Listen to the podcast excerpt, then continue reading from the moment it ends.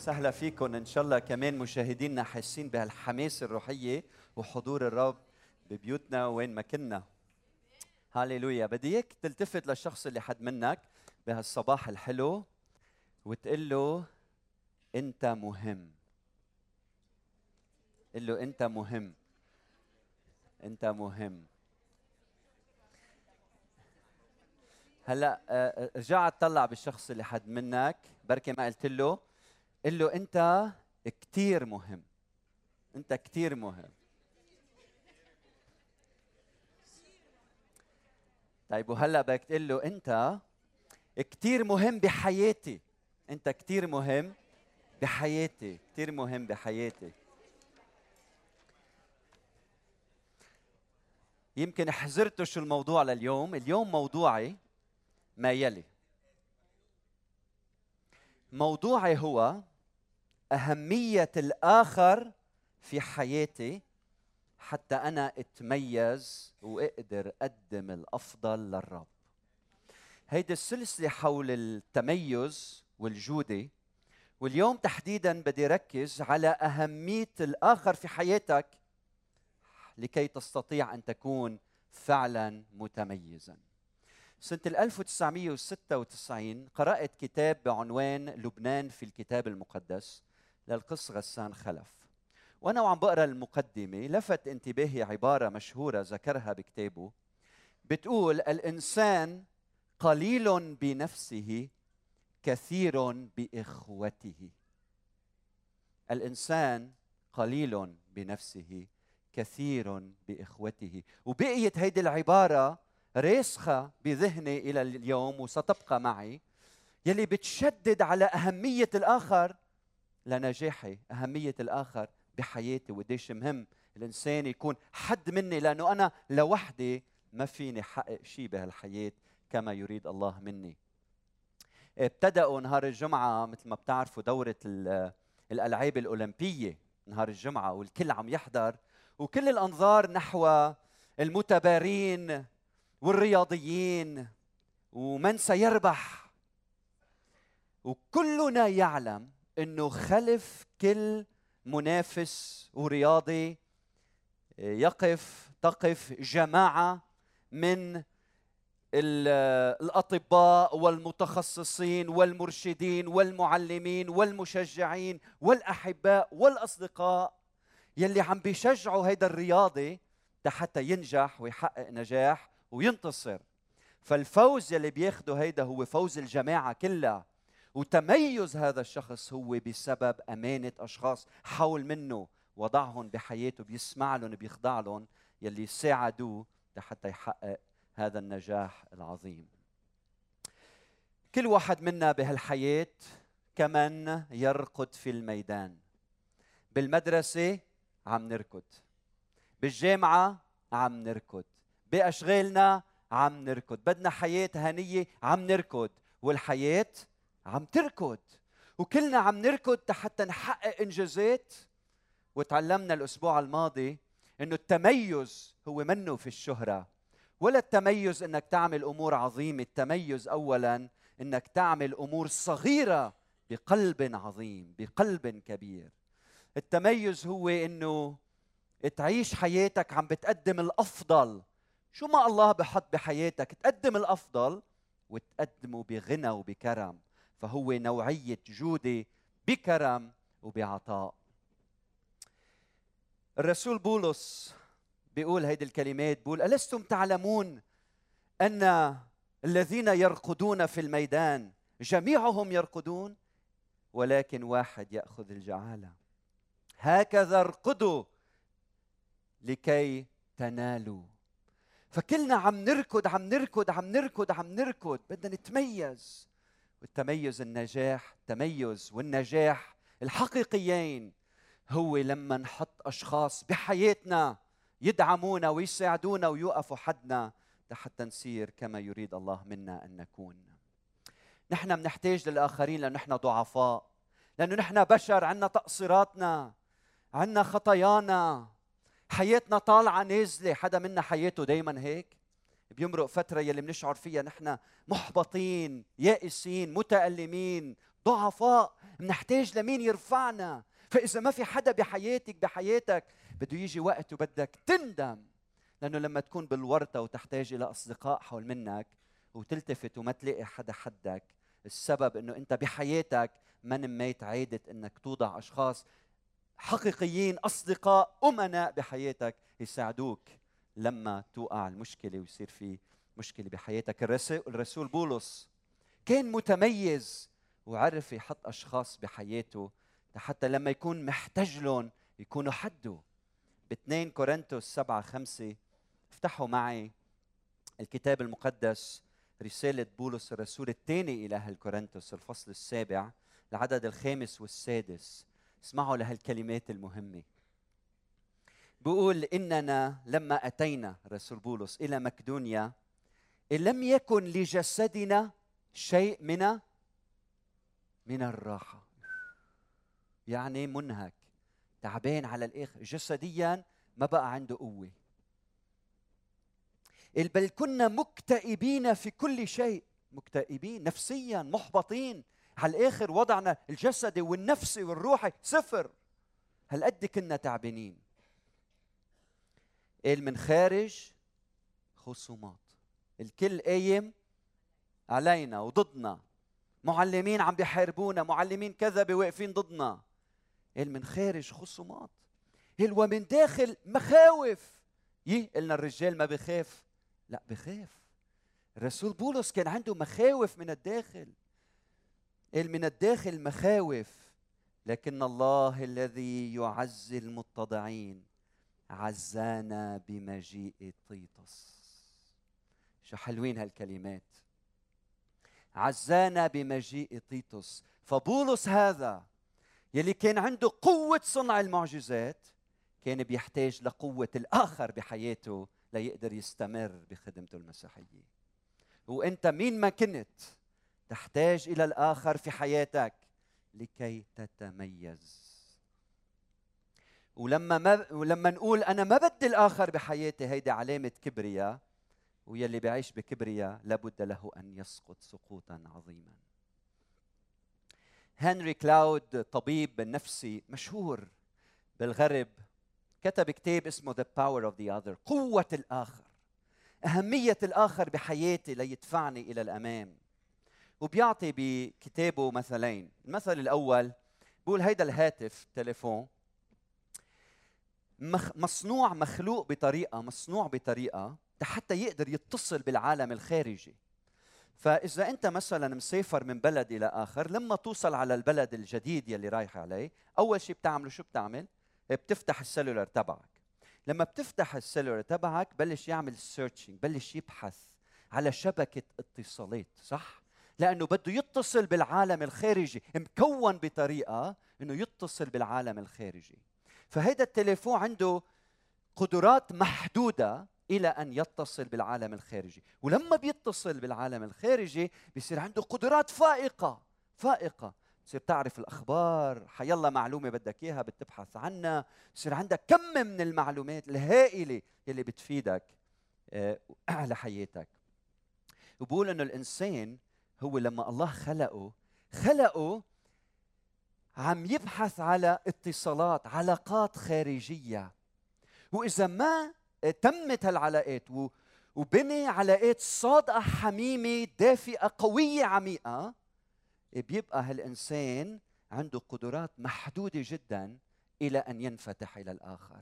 ولما بينفتح للآخر هو بيحقق أمور عظيمة جدا أكثر بكثير مما يتصور أو يتوقع. المثل الثاني اللي بيعطيه هو آه، صهره مارك. مارك كان عنده صديق اسمه برايس مارك وبرايس واثنيناتهم كانوا مغاوير في القوات البحرية.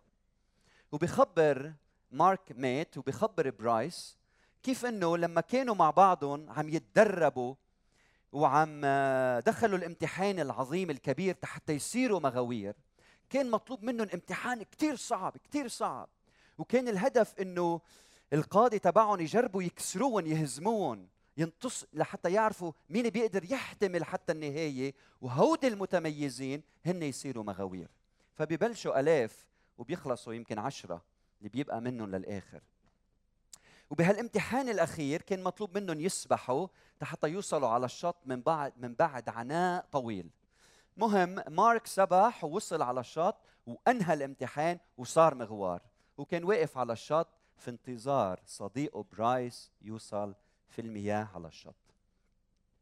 وبقول الكاتب كيف إنه برايس كان عم يسبح ومن بعد أسابيع من العناء والتعب والشغل والمتطلبات الامتحان آخر شيء قبل ما يوصل على الشط اللي هو عم يسبح بلش يشعر إنه جسده عم يتوقف عن الحركة وكأنه جسده هلأ ما عم بيطاوعه فعم يجرب يسبح بس مش قادر. وبلش كل أعضاء جسده يوقفوا وبلش يغرق في المياه. فبيلتفت وتقع عينه بعين مارك يلي واقف على الشط. ولما مارك شافه لبرايس في وسط المياه وضربت عينه بعينه مارك اللي واقف على الشط بيطلع ببرايس وبيعمل له حركة go for it بيقول له إلى الأمام! لا تستسلم! وبقول برايس لما شاف حركة مارك وصوت مارك وصرخة مارك قال برايس حس بقوة دخلت جسده من جديد وطاقة غير متوقعة ورجع كل أعضاء جسده يتحركوا وسبح ووصل للنهاية وانتصر وفاز بالامتحان. والعلماء بيسألوا سؤال كثير صعب.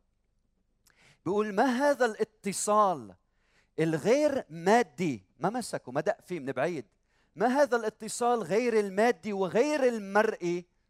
الذي يؤثر على المادة وعلى الجسد. شو هو هيدا الشيء العميق؟ شو هي هالقوة يلي نالها من الآخر يلي خلته يتميز ويكمل؟ إذا ما في بحياتك مارك لا تستطيع أن تفوز.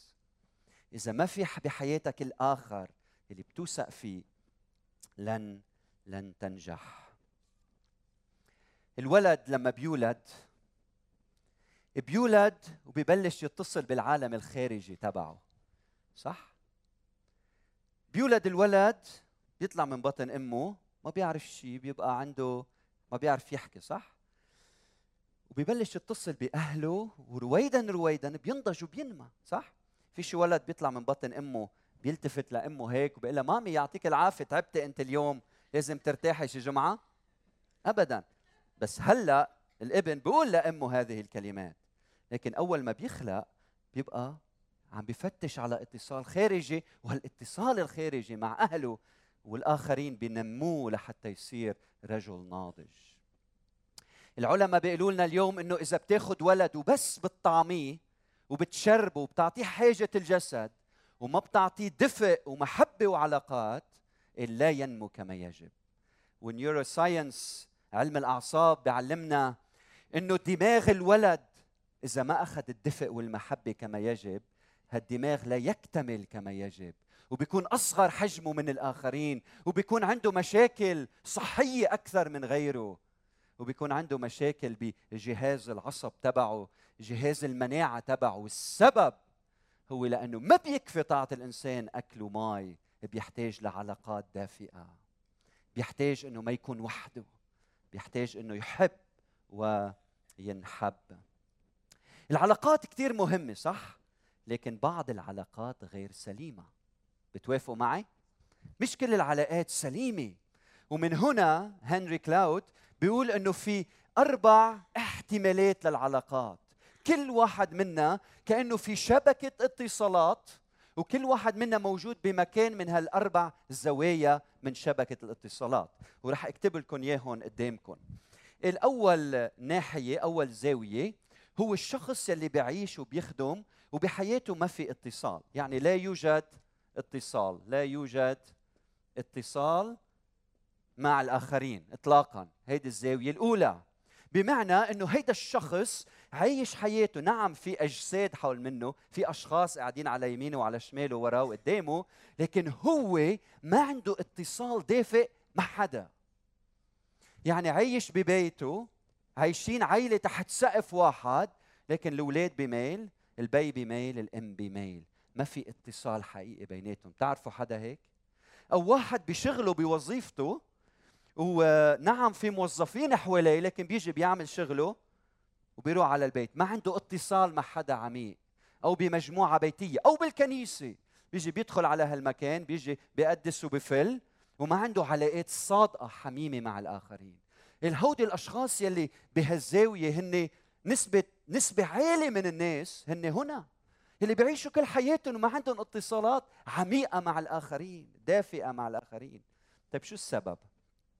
السبب لأنه واحد بيكون جرب بالماضي وخيب أمله. واحد دخل بعلاقة معينة وانطعن بالظهر. واحد حاول وأساءوا الآخرين لإله. واحد كان صادق وخبر مشاكله. بعدين الآخر استخدمها ضده. فجرب وفشل. وهيدا الفشل خليه يقول خليني عايش لوحدي. راسي مرتاح. بلا ما أعيش مع حدا بلا ما أحكي مع حدا بلا ما أتواصل مع حدا بلا ما أدخل بعلاقة عميقة مع حدا. وبعيش بوحده وبألم وما بيقدر يحقق إنجازات عالية لأنه لوحده. النوع الثاني أو الناحية الثانية بشبكه الاتصالات هو الشخص يلي آه، في اتصال لكن اتصال سيء. اتصال سيء. Bad connection. بمعنى إنه هيدا الشخص داخل بعلاقة معينة يمكن ببيته يمكن بشغله لكن في عنف بالعلاقة. يعني هيدا الشخص بيشعر لما بيقعد مع المدير تبعه أو مع أمه أو بيه بيشعر باحتقار بذل بيشعر بإهانة بيشعر كأنه المحبة مشروطة بهالعلاقة. ما في محبة غير مشروطة ما في صدق بالعلاقة. العلاقة السيئه بصير عندي bad feeling لما أخلص من هالاجتماع مع هالشخص بنزعج. بحسه عم يحكي علي من فوق. بحسه ما بيحترمني ما بيقدرني. ففي علاقة منه لوحده لكن هالعلاقة مريضة. زوجة بتشعر تجاه زوجها أو زوج بيشعر تجاه زوجته. في عنف بالعلاقة في ضرب في إهانة في مسبات في كلمات بذيئة. هل مرقت بهيك اختبار؟ هل شعرت بشيء من هالنوع مع مديرك أو مع أولادك يمكن أو مع زوج زوجة؟ هيدي الحالة صعبة ليه؟ شو بيصير بهذا الشخص؟ أول ما يصير عنده فرصة يطلع من هالعلاقة ويهرب بيهرب إلى هنا صح؟ بقول ما ما بقى بدي علاقات ما بقى بدي هالزواج ما بقى بدي هالعلاقة فبيترك كل شيء وبيهرب وبيصير عايش كل حياته لوحده بتعرفي حدا هيك بتعرف حدا هيك الزاوية الثالثة بسميها fake good connection معناتها بدي أسميها الاتصال الجيد المزيف. هيدا الاتصال الجيد المزيف. يعني هون لما بتدخل بعلاقة بتشعر بشعور حلو. خي شو حلوة القعدة معه شو حلوة القعدة معها لكن هيدي العلاقة بتكون مزيفة. لأنه فيها خطية فيها شيء مش مزبوط. البعض بيدخل بعلاقة غير مقدسة خارج الزواج. لأنه عم بفتش على اتصال حقيقي. ما عم بيلاقيه بالزواج. بيروح وبيدخل بعلاقة غير مقدسة. شو بتعمل فيه؟ تعطيه متعة وقتية ودمار نهائي. أو شخص بيتمسك بأمور منا مقدسه أفلام إباحية بيعمل أمور بيروح على السبق بيروح بيلعب بيعمل أمور غير مقدسة. بتعطيه متعة جزئية لكن هيدي المتعة منا مستمرة. هي زائفة زائفة. بتدمر حياتك. شو السبب؟ إنه هيدا الشخص دخل بعلاقة معينة وكانت مدمرة صعبة. حتى يهرب من هالعلاقة بيروح إلى علاقة مزيفة أكثر بيخدعوا الشيطان وبياخذوا إلى مكان غير مقدس. هل بتعرفوا حدا هنا؟ انتبه انت بخطر بخطر شديد. بعض رجال الأعمال منتوج جديد بدي اسعى بدي كبر المؤسسة بدي كبر الشركة بدي السعاده وقتية بدي شعور بالتمتع الوقتي. بيكون عم يعمل اتصال مع أمور لكن هالأمور جيدة إلى حين لكن زائفة إلى مدى طويل. المكان الآخر هو المكان يلي كل واحد منا يتوق إليه هو الاتصال الحقيقي العميق.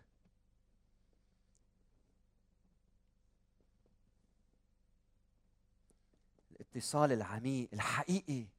هيدا هو يلي كلنا نتوق إليه لأنه الله خلقنا بطريقة عم نبحث على اتصالات دافئة دافئة. من هيك بنحب نتزوج. من هيك بنحب يكون عندنا أولاد بنحب نكون باتصال بالآخر بعلاقة دافئة وحميمه لكن هنا انتبه تحتاج إنك تفتح قلبك. المشكلة إنه الكثيرين منا ما بيوصلوا لهون بسبب إنه عنده خوف يفتح قلبه. لازم نلاقي أشخاص نحن كنيسة نحن جماعة من المؤمنين. لازم تلاقي أشخاص بحياتك تسعى تصلي وتفتش عنهم. وتقضي وقت معهم حتى يكونوا هودي الأشخاص عم بيقدموا لك الدفء والحب الحقيقي يلي فيك تجي لعندهم وتقول لهم أنا متألم. فيك تجي كما أنت من دون قناع. فيك تجي وتحكي اللي بقلبك واللي مشاعرك وأنا خبصت امبارح وأنا غلطت اليوم وأنا عملت هيك. وهن بيقبلوك بالنعمة. ومش موجودين تيدنوك موجودين تيتواصلوا معك ويشجعوك ويدعموك حتى تنتصر على الضعف اللي أنت فيه. لكن مطلوب منك ومنك إنك تفتح قلبك. واذا ما بتفتح قلبك بتضلك خارج هذه الدائرة. طيب أيام كثير نحن بننتقل من وحدة لوحدة صح؟ بتكون هون مثلا تكون هون تكتشف شغلة عن الآخر تنتقل لمحل تاني بتجي لهون أو بتروح لهون. بتكون عم توعظ وعظة ومفكر حالك هون وبتحس الشعب نايم نعسان مش عم يسمع. وانت عم تحكي معهم بتقول في شيء بيني وبينهم في جدران. توصل لهون بتحس الاتصال سيء. بعدين بتقول بلا ما أوعظ. بتروح بتتخبى تقعد لوحدك.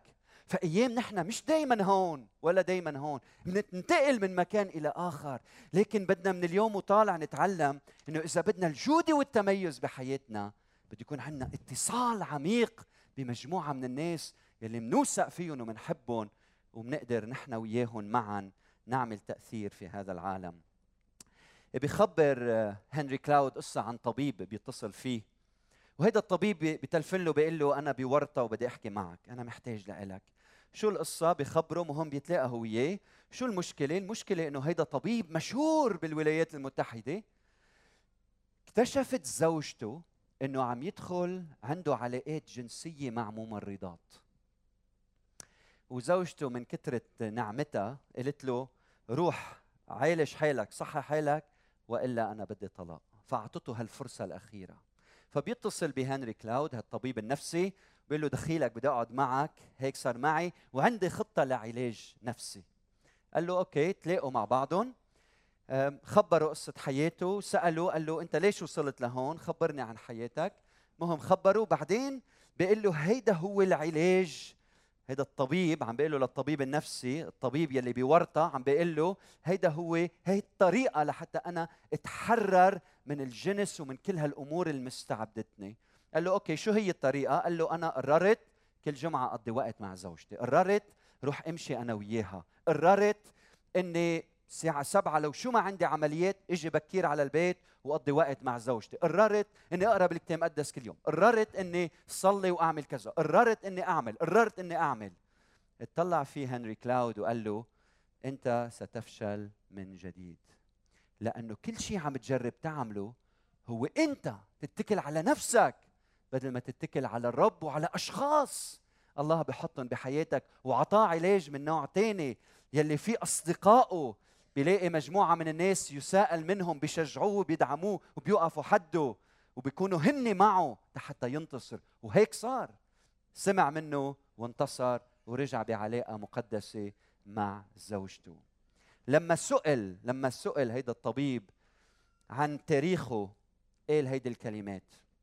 قال أنا لما كبرت بيي كان مدمن وكان كانوا أخوتي كلهم متكلين علي.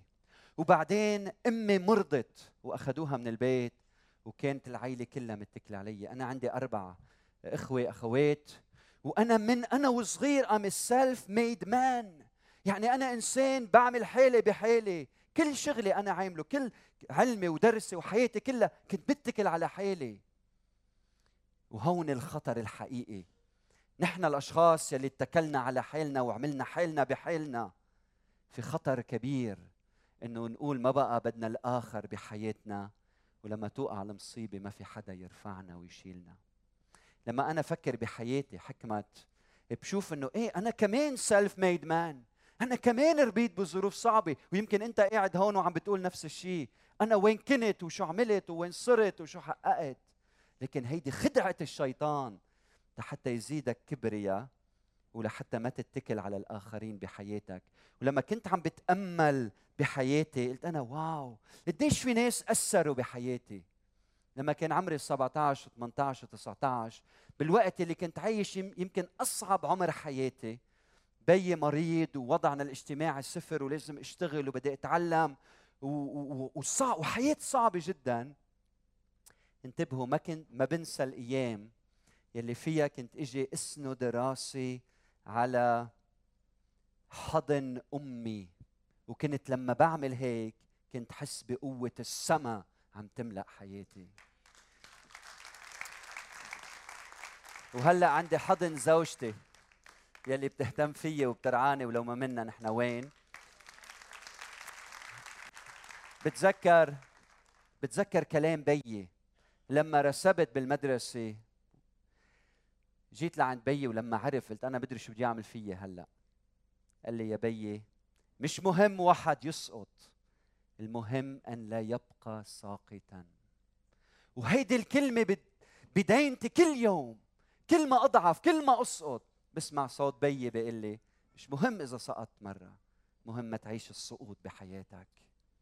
سنة 1996 كنت رجعت من أمريكا كنت بأمريكا لفترة قصيرة وكنت بالكنيسة راعي كنيستي من بعد الاجتماع. أنا وظاهر من الباب بيسلم علي وبخبره وين كنت وهيك وبيقول لي هالعبارة بيقول لي ليه ما بتطلع تدرس لاهوت؟ وهيدي الجملة غيرت حياتي إلى الأبد. جملة وحدة من رجل أثق به أمين للرب. هيدي الجملة غيرت حياتي. قديش اليوم في من قادة الكنايسي من قادة اليوم بحياتي يلي بيأثروا علي بشكل إيجابي. بتعرفوا لما الله دعاني للخدمة بتعرفوا كيف دعاني؟ كنت أنا وابن عمي رحنا نزور صحافي مشهور كتير بلبنان. مهم زرناه وصرنا أصدقاء نحن وياه وبعد فترة دخل على المستشفى. واتصلت قلت له أنا بدي أجي زورك مهم جيت لزوره وأخذت له معي كتاب اسمه كيف تصبح إنسانا جديدا. كان صار لي بالإيمان سبعة أشهر فقط سبعة أشهر فقط. وصلت على المستشفى دلوني على أوضته دخلت. لما شافني داخل من الباب كان صار لي سبعة أشهر مؤمن وهو بعد ما كان يعرف الرب. هيدا الصحافي المشهور اطلع فيي وقال لي تفضل قرب يا رجل الله. ولما قال عبارة يا رجل الله كنت أول مرة بسمعها تقال عني. سمعت صوت الله عم يدعيني للخدمة. شوفوا قديش مهم الآخر بحياتنا. واليوم أنا بحياتي في قادة حول مني. كنيستنا غنية بالقادة والخدام الكبار والصغار يلي بيحبوا الرب من كل قلبهم ويلي هن سبب بركة بحياتي. بيعلموني بيوجهوني بيصححوا لي بيشجعوني بيدعموني. وقديش مهمين هودي الأشخاص. بحياتنا. الأصدقاء الأصدقاء الموجودين بحياتي يلي بيدعموني وبيعطوني قسط من الراحة ويلي بحبوا ياخذوني خيم وأعمل روح اتسلى واتنزه. كل هالأمور مهمة بحياتك. أيها الخادم وأنتم بتعرفوا يلي فوق أكثر إنسان بيشعر بوحدة من هيك بيحتاج للآخرين بحياته يدعموه ويشجعوه. لحتى تقدر توصل هون أيها الإنسان. أنت بحاجة للحياة أن تأتي من الخارج إليك. لما تكون بوضع بحالة بظروف صعبة بدك حدا من برا يجي لعندك. من هيك المسيح اجى لعنا. لما كلنا كلنا غرقانين بالخطايا المسيح اجى من الخارج وأعطانا حياة وغفر خطايانا. والأصدقاء بحياتك هودي الموجودين وين ما كان. لما أنت تكون بورطة معينة بألم معين بدك حدا من برا يجي يدخل على حياتك ويساعدك ويساندك من هنا أخوتي ضرورة المجموعات البيتية بكنيستنا. من هنا ضرورة مجموعات رفاق الحياة. بدي اخبركم عن كنيستنا. نحن كنيستنا مؤلفه من مئات المجموعات البيتية. مجموعات رفاق الحياة. يعني أنت ما فيك تستمر بحياتك من دون أصدقاء. فخلقنا هالنشاط اللي سميناه رفاق الحياة. لحتى انت تنقي اثنين أو ثلاثة من اصحابك وهودي يصيروا رفاق حياتك. you and two انت واثنين بتعملوا مجموعة بيتية. فما تعيش لوحدك. بالمجموعة البيتية حدا بيرعاك وانت بترعى غيرك. بالمجموعة البيتية بتتسلوا مع بعض. بالمجموعة البيتية بتفتح قلبك وبتخبر عن ضعفاتك. بالمجموعة البيتية في حدا بيشجعك وبيصلي من أجلك. المجموعة البيتية. إذا صار لك سنين بكنيستنا وبعد منك بمجموعة بيتية انتبه ما في حدا يرعاك ما في حدا يهتم فيك. إذا إجت وقعت صار في مشكلة ما في حدا حدك. فنحن بنرعى بعض كنيسة. عندنا خمس اجتماعات آخر الأسبوع عددنا كبير. نحن ما في شخص واحد بيرعانا كلنا.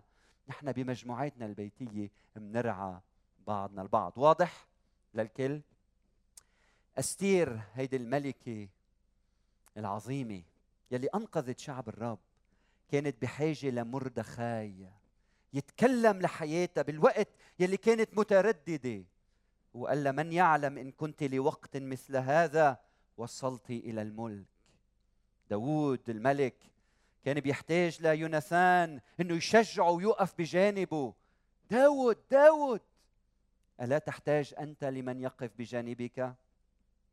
بطرس الناكر ليسوع المسيح كان بيحتاج لصوت يسوع ثلاث مرات.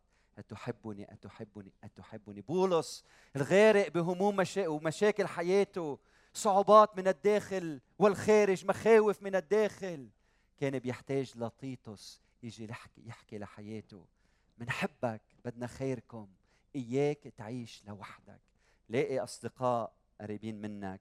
لأنه الإنسان قليل بنفسه. كثير بإخوته كثير بإخوته. طيب عمليا شو المطلوب مني؟ مطلوب مني إني أفتش على حدا بحبني. تلاقي حدا بحبك اثنين تلاقي حدا بتوثق فيه. ثلاثة تلاقي حدا ما بدينك. مش كل ما تقعد مع بتحس أنت مدان أنت مدان. لا بده خيرك بحبك بعاملك بالنعمة بصححك بالنعمة. بيدعمك بيشجعك بيوقف حدك. لاقي حدا هيك ما تعيش لوحدك ما تعيش لوحدك. الإنسان قليل بنفسه كثير بإخوته. بونهوفر بقول هيدي الكلمات بالإنجليزي رح تطلع قدامكم رح ترجمها مباشرة للعربي. وإذا ما طلعت بقري لكم إياها. بتقول the physical presence of other Christians is a source of incomparable joy and strength to the believer. يعني وجود مسيحيين بالجسد حاضرين في حياتك هو مصدر لفرح لا يضاهى وقوة للمؤمن. وقوة للمؤمن. بدك قوة؟ حط أشخاص مؤمنين بحياتك. بدك فرح؟ عيش بين إخوة بحبوا الرب من كل قلبهم. الإنسان قليل بنفسه كثير بإخوته. thank you